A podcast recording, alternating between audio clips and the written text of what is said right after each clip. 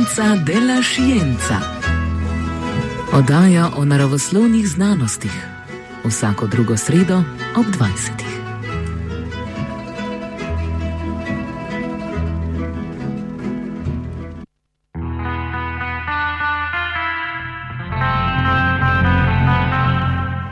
Kamenodobni um. Dobrodošli v oddaji o znanosti in znanstvenih problemih. V zadnji oddaji smo se posvetili ustvarjanju vrst s premeščanjem genov med organizmi. Ta postopek najdemo tudi v naravi, kjer ga opišemo z obsežnejšim procesom, ki ga poznamo pod imenom evolucija. Ali lahko z evolucijsko teorijo razložimo vsa nenavadna vedenja živali? Da bi odgovorili na zastavljeno vprašanje, se bomo podali v svet preučevanja vedenja živali. V zaključku se bomo vprašali tudi, če imata evolucija in psihologija kaj skupnega in zakaj Darwinovih spoznanj o naravnem izboru in spolni selekciji ne moremo uporabljati tudi za razlaganje vedenja človeka.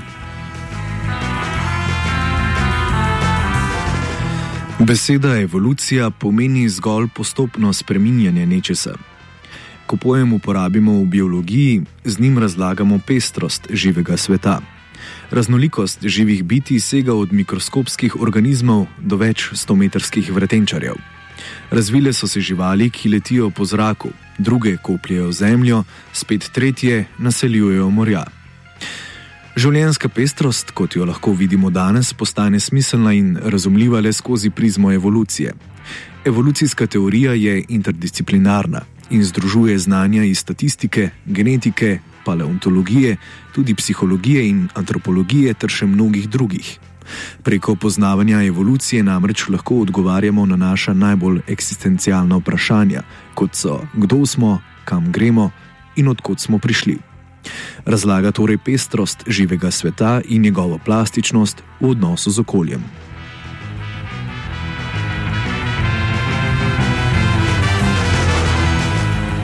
Pri razmišljanju o evoluciji je najprej nujno, da si je ne predstavljamo kot usmerjen proces v določen cilj. Razumeti jo moramo kot razvejano filogenetsko drevo, v katerem vrste nenehno nastajajo na novo, druge pa izumirajo. Proces se odvija v več smerih hkrati. Razvoj lahko poteka tudi nazaj, k bolj izvornim oblikam, Misel razvoja od enoceličarja do človeka moramo nadomestiti z mislijo od enoceličarja do milijonov najrazličnejših vrst, med katerimi je po čistem naključju nastal tudi človek. O razlogih za navidezno usmerjenost evolucije smo se pogovarjali s profesorjem z biotehničke fakultete, dr. Petrom Trontljem. Nam se zdi, da, da nastajajo eh, bolj popolne oblike, eh, večje, lepše, kompleksnejše vključno seveda s človekom. In kar je v resnici za tem je, da iz manj kompleksne, še manj kompleksna ne more nastati. Ne? To se pravi, da če imamo spreminjanje, bo spreminjanje v smeri večanja kompleksnosti. Ne? In to potem naredi vtis, kot da je evolucija usmerjena.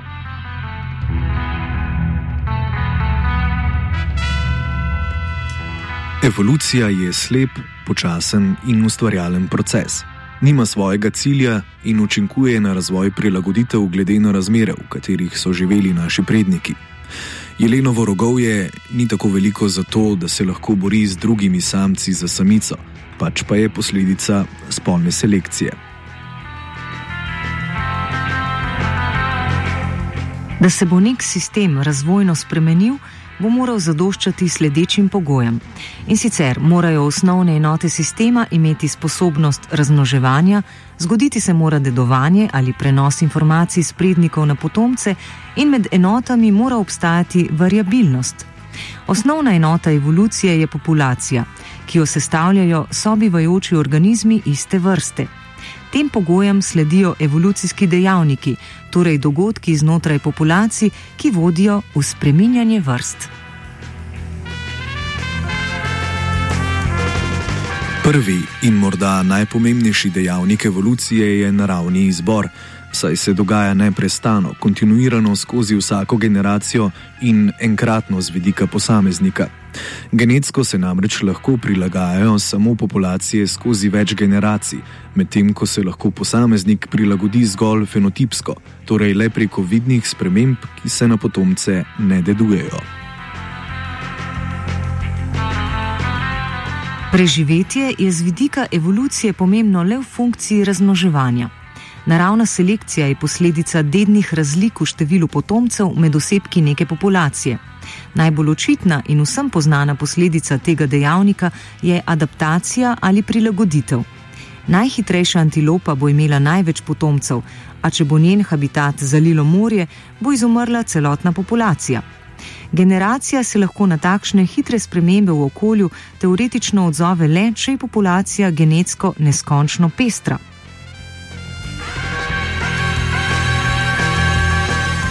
Vpliv selekcije je retrograden, deluje na trenutno generacijo in v dobro potomcev. Učinek ima na neštete lastnosti in njihove interakcije, ki skupaj določajo, koliko potomcev bo imel osebek za časa svojega življenja. Naravni izbor tako ne vodi v preživetje močnejših, zato je ideja o kupičenju uspešnejših genov oziroma alelov napačna. Kot bomo izvedeli v nadaljevanju oddaje, je bila evolucija v svoji zgodovini vse prevečkrat podvržena takšnim in drugačnim znanstvenikom, ujetim v duh svojega časa. Na samo gensko pestrost populacije nadalje vpliva tudi dejavnik izbire partnerja. Kako izbira partnerja vpliva na evolucijo, smo vprašali predavatelja Petra Trontlja. Jaz bi rekel obratno, vprašati se moramo, zakaj ta izbor ni popolnoma naključen. To se pravi, da gre bolj za to, da evolucija vpliva na to, da se partnerji izbirajo. Seveda je zadeva vzajemna. Sam mehanizem izbora je posledica naravnega izbora, posledica pa spolnega, spolne selekcije, spolne naravne selekcije, kot temu pravimo. Tako da, da gre v obe smeri. In, uh, izbiranje partnerja je neke vrste naravna selekcija. Izkaže se, da se te stvari bolj natančno pogleda, da je izbira partnerja ponavadi povezana z lastnostmi, ki višajo število potomcev ali pa višajo preživetje potomcev.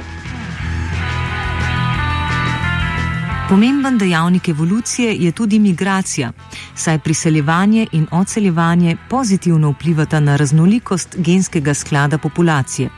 To pomeni, da večji, ko je nabor različnih genov v populaciji, večja je verjetnost, da bodo ob spremembi okolja nekateri posamezniki preživeli in nadaljevali razvoj vrste.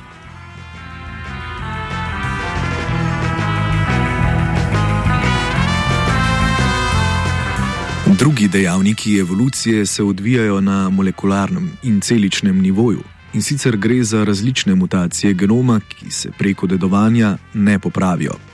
Pomemben dejavnik je tudi genski vlek ali drift, kar pomeni premik bralnega okvirja genskega zapisa, ki lahko vodi v sintezo drugačnih proteinov. Ta dejavnik deluje predvsem na ključno in je opazen le v populacijah z omejeno velikostjo. Glede na to, da se evolucija vedno dogaja v povezavi z dedovanjem, nas je zanimalo, do katere stopnje jo lahko upoštevamo pri razlagi vedenja živali. Točno do tiste stopnje, do katere je vedenje samo po sebi dedno. V evoluciji mora biti stvar, da, da je podvržena evolucijskemu spreminjanju. Katerakoli lastnost je lahko podvržena evolucijskemu spreminjanju, samo v tem primeru, če se genetsko deduje. In vse tiste oblike vedenja, pravi vse instinktivno vedenje, tudi nagnjenosti, ne, če so, čim so genetsko vedovane, imajo, eh, se, se evolucijsko tudi uh, odražajo. Kadar je pa vedenje, tisti, tiste oblike vedenja, ki, ki so ponoma socialno pogojene, tiste se pa uh, vsaj v biološki evoluciji uh, ne igrajo vloge za, za biološko evolucijo, temveč bolj mogoče za tako imenovano eh, socialno evolucijo, ki je tudi neka oblika evolucije. Trontlja smo vprašali tudi, kaj je pri raziskovanju vedenja v odvisnosti od evolucije problematično. Je eh, z vedenjem tako, da je težko ga, ga zmeriti. Evolucijo lahko študiramo, kadar znamo lastnost zmeriti. telesno težo znamo stehtati. Vemo, kolikšen del telesne mase eh, je jeden in kolikšen je odvisen od okolja.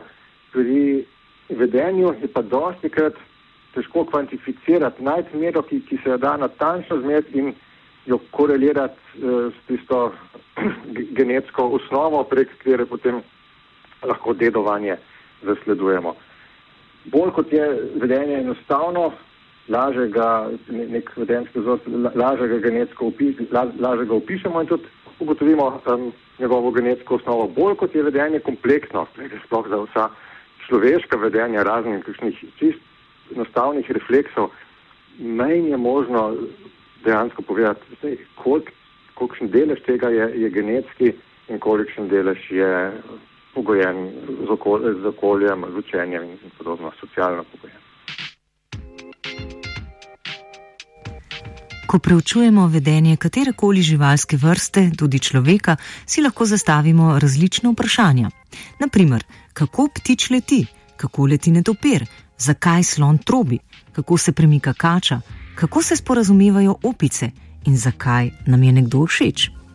Vedenje ljudi in tudi drugih živali preučujejo psihologija, etologija, neuroznanost in kognitivna znanost. Vedenje skupin ljudi pa na drugi strani preučujeta antropologija in sociologija. V današnji oddaji se posvečamo evoluciji vedenja, zato se na področja neuroznanosti, kognitivne znanosti in sociologije ne bomo spuščali.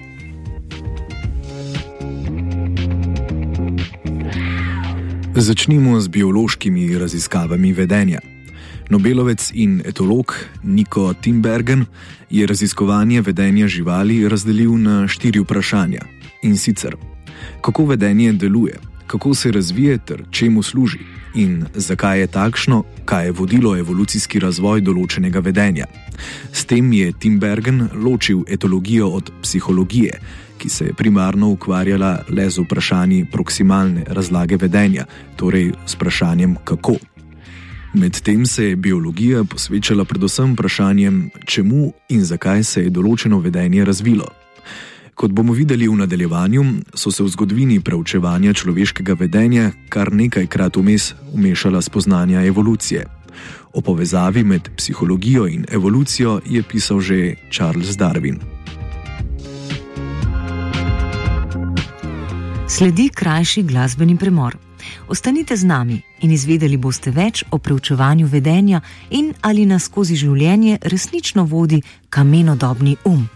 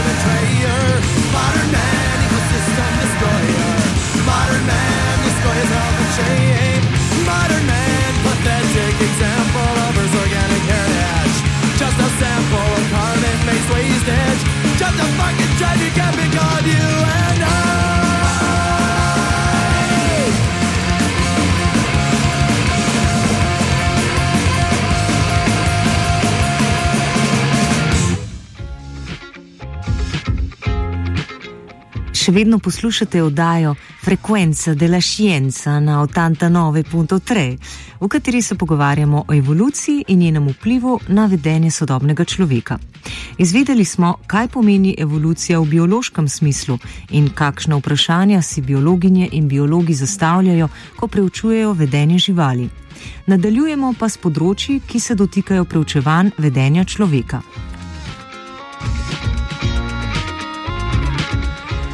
Evolucijo vedenja in kognicije preučuje poleg etologije in evolucijske biologije tudi primerjalna psihologija, pri kateri raziskovalke in raziskovalci primerjajo vedenje različnih vrst.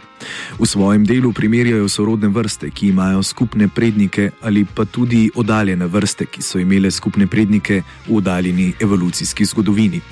Psihologi veliko krat primerjajo vedenje oziroma izvajo vedenske eksperimente z ljudmi in šimpanzi. V teh študijah ugotavljajo, katera vedenja naj bi izhajala iz skupnih prednikov. Pri komparativni psihologiji lahko pride tudi do napačnega sklepanja, saj se vedenje pri dveh vrstah lahko razvije tudi konvergentno, saj podobni socialni in okoljski pritiski lahko vodijo do enakega vedenja.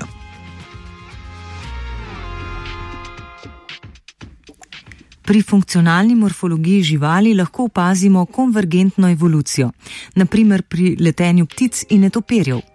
Oboji imajo krila, ki so se sicer razvila iz prednjih okončin štirinožnih živali, a so si anatomsko vseeno različna, čeprav služijo enaki funkciji.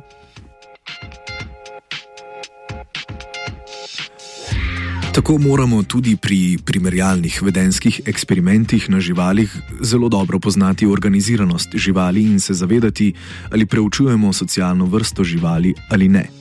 Nadalje moramo poznati tudi okolje, v katerem živijo, ali preučujemo prosto živečo populacijo ali v etništvu vzgojene živali.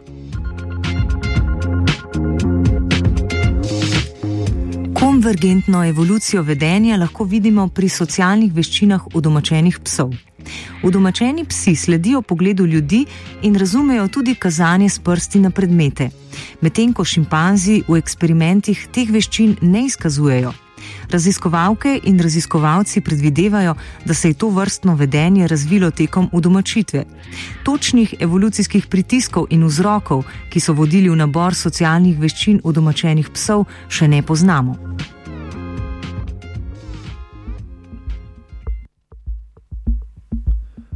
Charles Darwin je v svojem najbolj znanem delu o nastanku vrst zapisal, da bo v prihodnosti verjetno tudi psihologija začela raziskovati človekovo vedenje preko postopnega spreminjanja ali gradacije.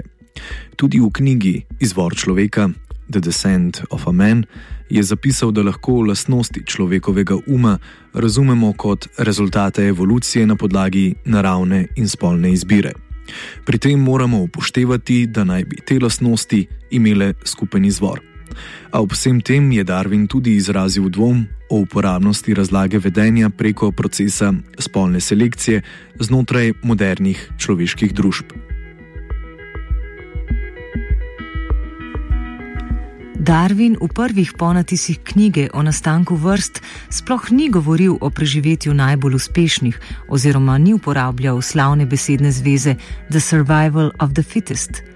To je v Darwinovo teorijo uvedel njegov sodobnik, angliški intelektualec Herbert Spencer. Preživetje najuspešnejših se pojavi šele v petem ponatisu knjige o nastanku vrst. Herbert Spencer je ta izraz uporabljal tudi, ko je govoril o družbi oziroma o evoluciji družbe.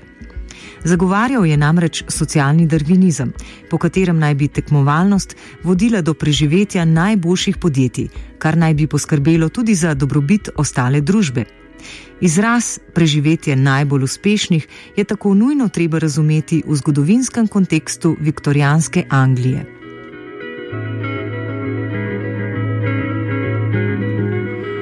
V sodobni biologiji se temu izrazu izogibajo in raje uporabljajo izraz naravna izbira. V teoriji evolucije je bolj kot preživetje pomembno razmoževanje. Kot smo povedali že na začetku oddaje, nikakor ni nujno, da najboljši zares preživijo, prav tako tudi ni nujno, da se najboljši razmnožujejo.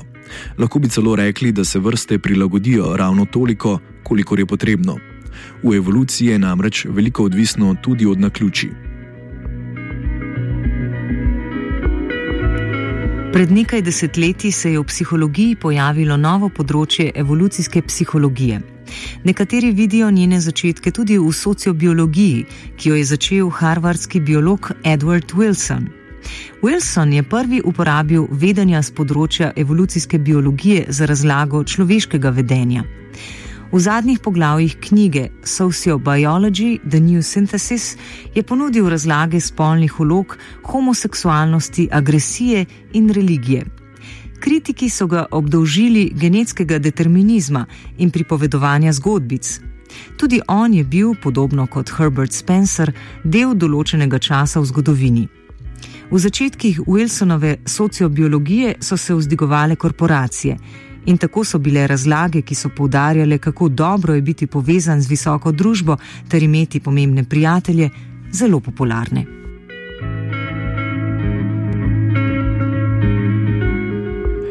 Wilson je svojo teorijo v večini utemeljeval na dedovanju genov za različna vedenja. Zagovarjal je idejo o univerzalni človeški naravi, ki jo lahko preučujemo s klasičnimi metodami trdih znanosti. Kot bomo videli v nadaljevanju, lahko nekatere Wilsonove poglede odkrijemo tudi pri zagovornicah in zagovornikih evolucijske psihologije.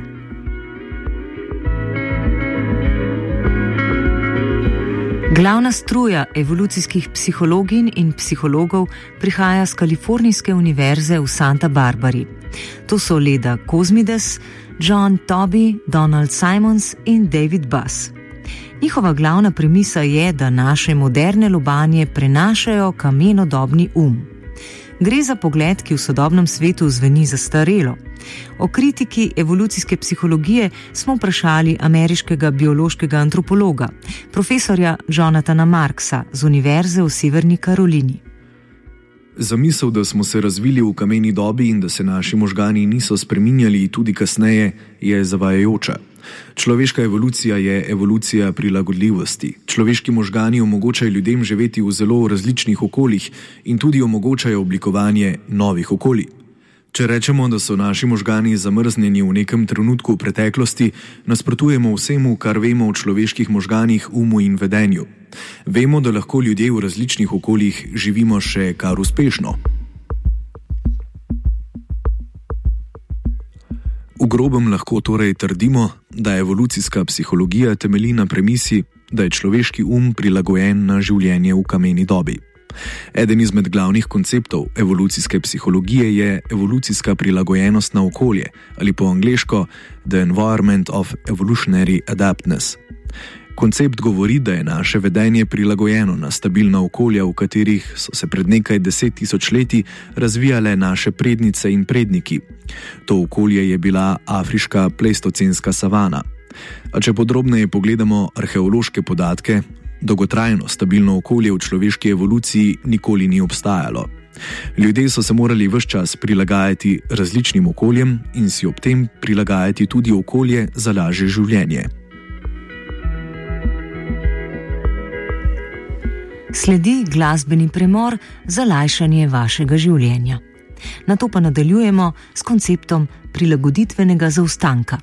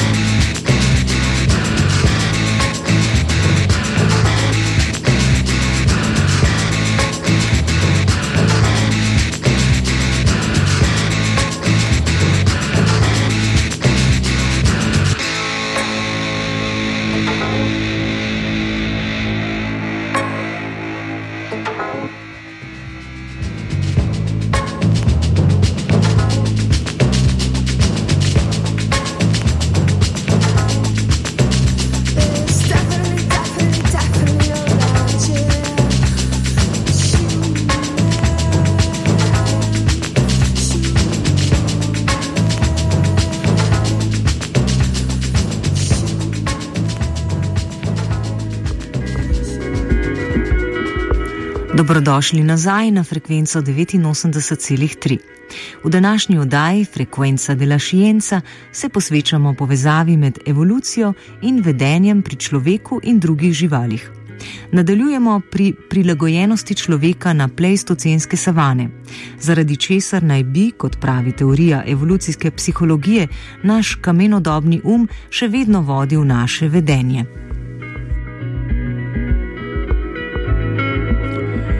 Iz pogleda evolucijske prilagojenosti na pleistocen izhaja tudi koncept o prilagoditvenem zaostanku ali adaptive lag človeške vrste na okolje.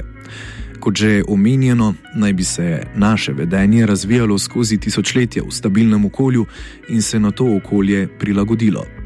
A ker se je po poljedelsko-kmetijski revoluciji v poznem pleistocenu okolje, tako družbeno kot zunanje, začelo zelo spreminjati, človeško telo in naš um še vedno zaostajata za spremembami, ki so jih prinesli sodobnejši načini življenja. Do adaptacij naj bi na ravni genoma prihajalo prepočasi, da bi bili ljudje lahko prilagojeni na novo okolje.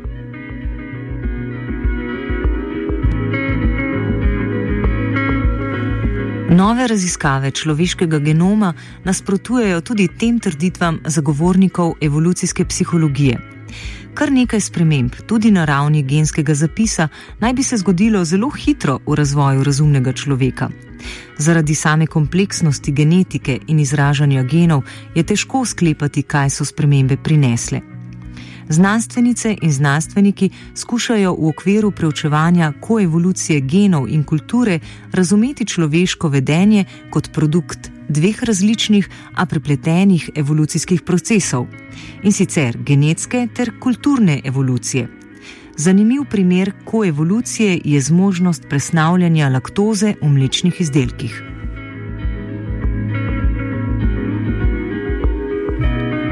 Raziskovalke in raziskovalci so preučili primer prilagoditve, ki 35 odstotkom človeške populacije omogoča prebavljanje laktoze tudi, ko odrastemo.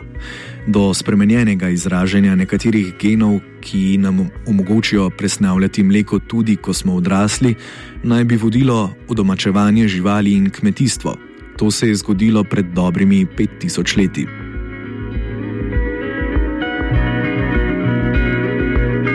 Poleg tega nam za razlago različnih človeških vedenj ni treba odgovorov iskati v genih. Raznolikost človeškega vedenja, kot pove Marx, ne izhaja iz genov. Vedenje posameznika ima lahko veliko različnih vzrokov, naprimer izkušnje posameznice ali posameznika, kako in kje je odraščala, prste ima lahko vmes tudi genetika. Ni dvoma, da obstajajo genetski vzroki za nekatera neobičajna vedenja. Ampak največ razlik v človeškem vedenju najdemo na ravni skupin in do teh pride zaradi zgodovine in ne zaradi česar koli povezanega z geni. Glavne razlike v človeškem vedenju najdemo naprimer pri tem, kateri jezik govorimo, kako se oblačimo in kaj jemo. O tem govorimo, ko govorimo o kulturi. To je seveda bolj povezano z zgodovino kot pa z biologijo. To so razlike med skupinami ljudi in te so večinoma zgodovinske. Imigranti lahko naprimer prevzamejo nov slog življenja v nekaj generacijah, ki je tukaj genetika. A če mi želiš povedati, da obstajajo genetske različice, ki naredijo nekatere ljudi vesele in druge bolj nasilne, si bom mislil prav, ampak tu gre za zelo trivialno komponento raznolikega človeškega vedenja. Vzemimo kot argument, da si nek človek iz Francije in predstavnik ljudstva Jana Mamo iz brazilskega deževnega gozda delita enak alel za nek hormon v možganih, ki jih naredi vesele, žalostne ali smešne, bolj zgovorne, karkoli. Kako bo življenje predstavnika Janomamo in francoza postalo bolj podobno zaradi deljenja enakega gena na določenem alelu? Ne bo, en bo živel življenje Janomamov in drug življenje francoza. Torej, ko imamo kakršne koli genetske variacije, to vpliva na vedenje ljudi na zelo banalen, nepomemben način.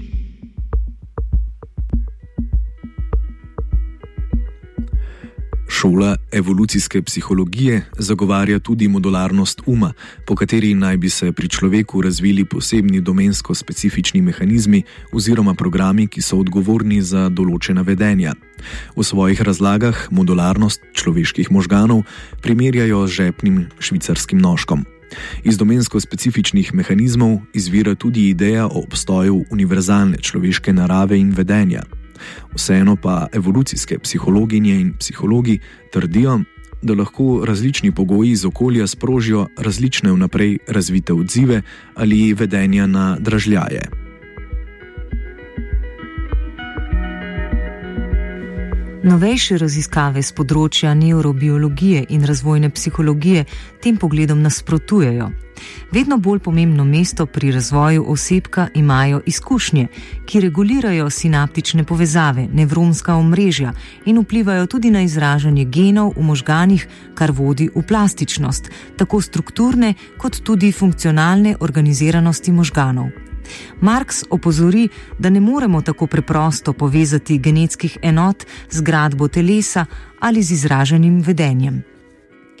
Ukvarjamo se z zelo različnimi pojavi. Telo se spreminja in geni se spreminjajo, in vemo, da geni lahko povzročijo, da se telo spreminja. To počnejo z različnimi hitrostmi na različne načine. Primer, ki ga rad uporabim, je, da imamo gene, ki so enote dednosti, in imamo komovce, ki so enote telesa nimamo pa komovčnih genov, nimamo preprostega mapiranja genetskih enot na fizične enote. In to vemo že od leta 1920. Mislim, da je to ena izmed največjih napak, ki jih lahko naredimo v genetiki, in ravno to počnejo v psihologiji, ko se ne zavedajo pomanjkljivosti genetike. Marks pove tudi, zakaj on misli, da so razlage vedenja skozi genetiko postale tako popularne. Razlog, zakaj smo bili zavedeni v mišljenje, da so odnosi na ravni genov enaki kot splošni odnosi in nam bodo pomagali razložiti vse človeške odnose in vedenja, je v projektu Človeški genom iz leta 1999. Takrat smo bili soočeni z veliko poljudne znanstvene literature, ki je predstavljala zaporedje DNK kot najbolj pomembno stvar na svetu. Napovedali so, da ko bomo poznali celotno človeško zaporedje DNK, bomo vedeli vse o nas, kar se je izkazalo za veliko laž. A je imelo velik in dolgotrajen vpliv na popularne ideje o pomembnosti genetike v vsakdanjem življenju. Zato tudi mislim, da je ljudi danes začela zanimati epigenetika. Ko so spoznali, da redukcijski pristop razumevanja genetike, ki pravi, da lahko zaporedje DNK prevedemo v razumevanje človeškega telesa in vedenje, ni resnično. Ob neurobiologiji in razvojni psihologiji so se razvijala tudi področja in teorije, kot naprimer epigenetika, teorija dvojnega dedovanja in teorija razvojnih sistemov ter teorija o oblikovanju niše. Vse te izpostavljajo, da se človeško vedenje in um razvijata skozi preplet posameznice ali posameznika z okoljem, tako družbenim kot naravnim.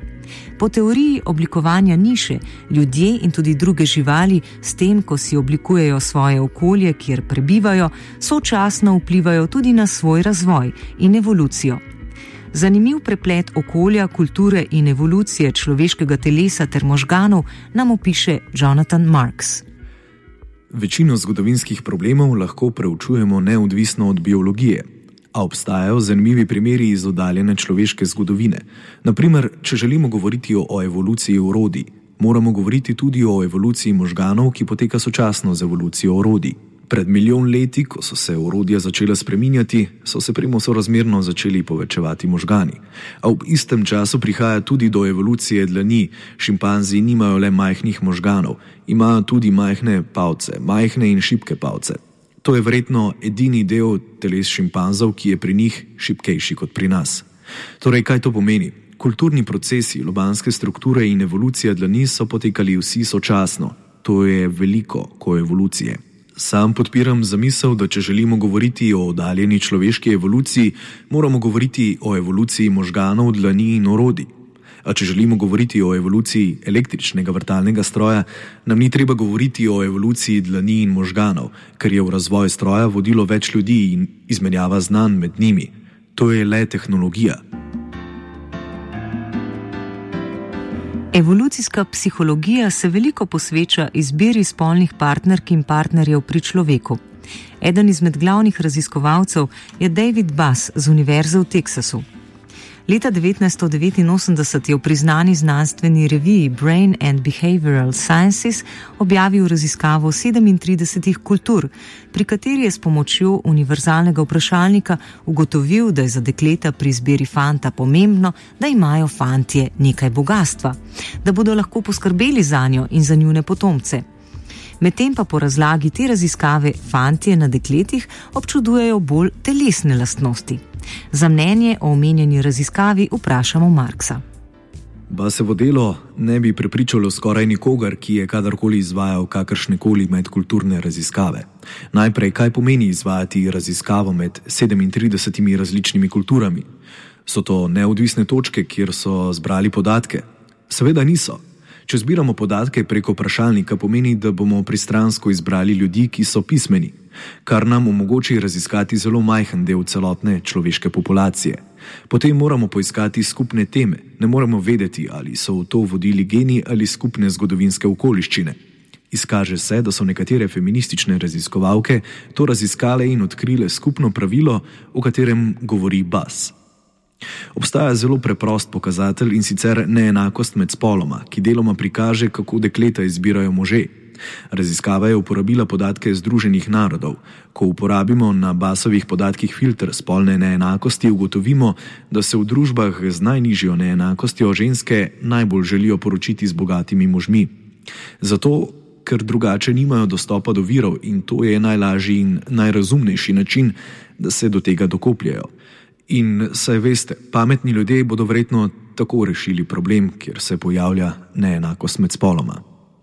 Torej, ne moreš načrtovati raziskave in izpeljati ter razlagati rezultatov, če nad njimi ne upraviš tudi prave in kvalitetne kontrole. A brez prave analize razlagati, kako so rezultati v človeškem vedenju povezani z našo biologijo, je preprosto poenostavitev nečesa, čemur bi ljudje, glede na predstavljene nove analize basovih podatkov, rekli zgodovinski moment. V antropologiji lahko seveda naredimo kdaj tudi posplošene razlage veden, ki pa nimajo nič skupnega z biologijo. Veliko raziskav z področja evolucijske psihologije uporablja tudi zelo slab vzorec, ki ga nekatere kritičarke in kritiki poimenujejo s kratico Weird. V takšnih raziskavah namreč sodelujejo ameriške študentke in študentje, ki prihajajo iz zahodnih, izobraženih, industrializiranih, bogatih in demokratičnih družin. Druge medkulturne raziskave so pokazale, da ta vzorec lahko pokaže zelo drugačna vedenja, ki nikakor niso skupna vsem ljudem na svetu. Vedenje ljudi in drugih živali je raznoliko. Kot ni načina, kako je biti človek, tudi ni načina, kako je biti bonobo.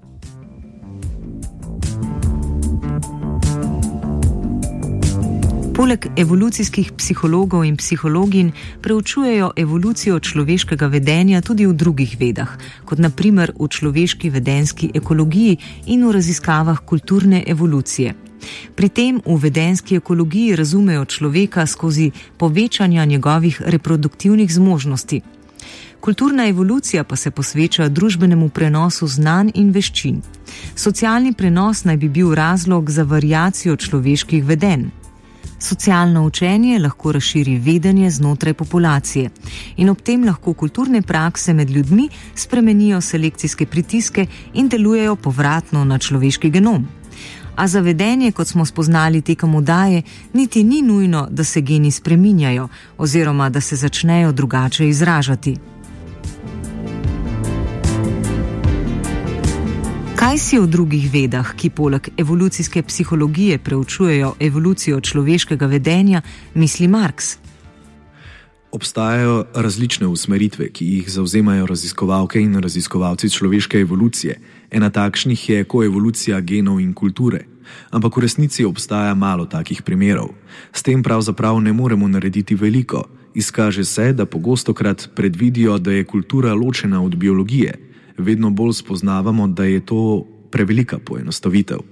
Potem imamo ljudi, ki so genetski deterministi, ti vedno delujejo v zadju. Zagovarjajo obstoj genetske osnove za homoseksualnost, nasilje in različna neobičajna vedenja. To področje ima zelo slabo zgodovino. Ne verjamem, da obstaja kakršno koli uspešno odkritje ali spoznanje znotraj zgodovine takega razmišljanja Pomembno je spoznati, da ne glede na to, kako se želiš tega dotakniti in formalizirati oziroma raziskati z metodami trde znanosti, je vse, kar delaš, to, da preučuješ zgodovino. Zgodovinarke in zgodovinari so naučeni preučevati zgodovino in oni že poznajo napake, ki so bile narejene v preteklosti. Vseeno Marks poudarja, da lahko na nekatera vprašanja odgovorimo le s povezovanjem različnih ved ali s tako imenovanimi interdisciplinarnimi pristopi. Jaz podpiram interdisciplinarne raziskave. Mislim tudi, da je večina vprašanj v znanosti dan danes interdisciplinarnih. A če želiš delati na drugem področju, moraš poznati to področje, vedeti moraš, kaj se tam dogaja in tako prilagoditi metode za obe področji znanosti, v katerih izvajaš interdisciplinarno raziskavo. Iskanje razlogov za tako živalsko kot človeško vedenje znotraj genov je nesmiselno. Problem, kako razumeti človeka kot del narave in kako razložiti vedenje brez podlage v evoluciji, se ne dotika le človeka, ampak tudi drugih živali.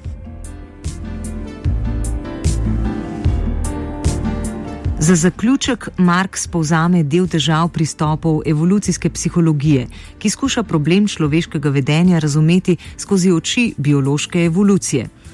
Del problema z evolucijsko psihologijo je, da so začeli govoriti, da bodo prinesli nov pogled na problem. V redu, ampak poznati moraš napake, ki so že bile narejene, da jih ne narediš ponovno. V znanosti nimaš pravice ponavljati napak znova in znova lahko pa narediš nove napake, ki so posledica ustvarjalnega znanstvenega mišljenja. Prevladojoča ideologija si vedno znova prilagaja evolucijsko teorijo in jo izrablja za opravičevanje svojih ciljev in interesov. Kako se to kaže na področju evolucijske psihologije in zakaj je evolucijska psihologija problematična, smo vprašali tudi profesorja biotehnične fakultete Petra Truntlja.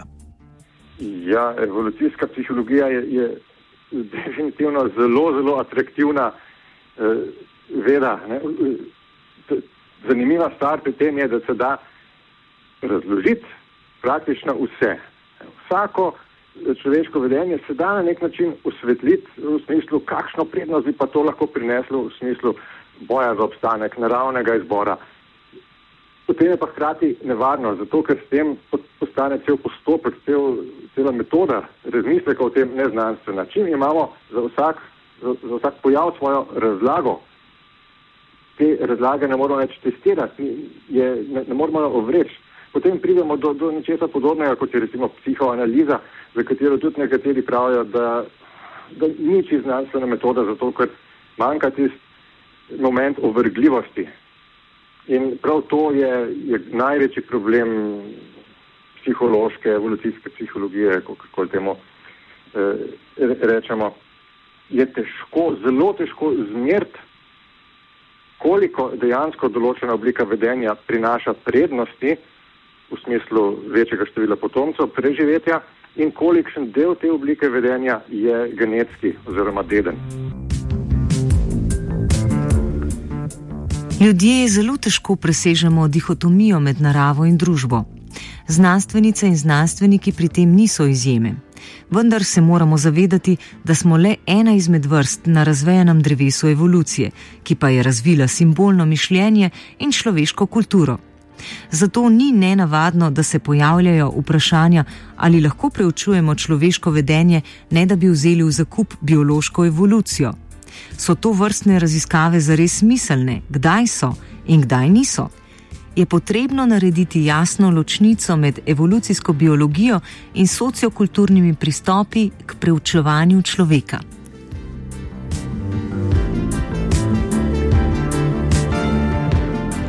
Vsekakor človeškega vedenja ne moremo razložiti z nekaj preprostimi formulami in števili.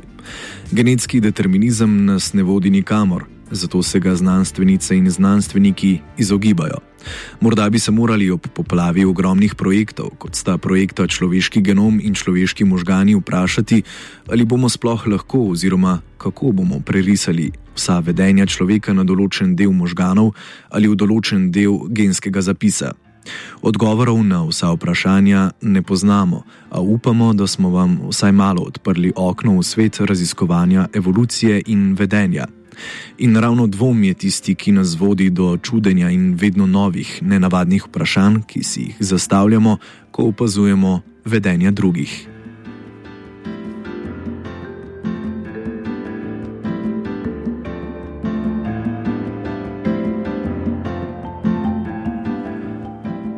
Človeško sta se vedli Urša in Zarja, tehniciral Pavle, brala sva Ana in Žiga.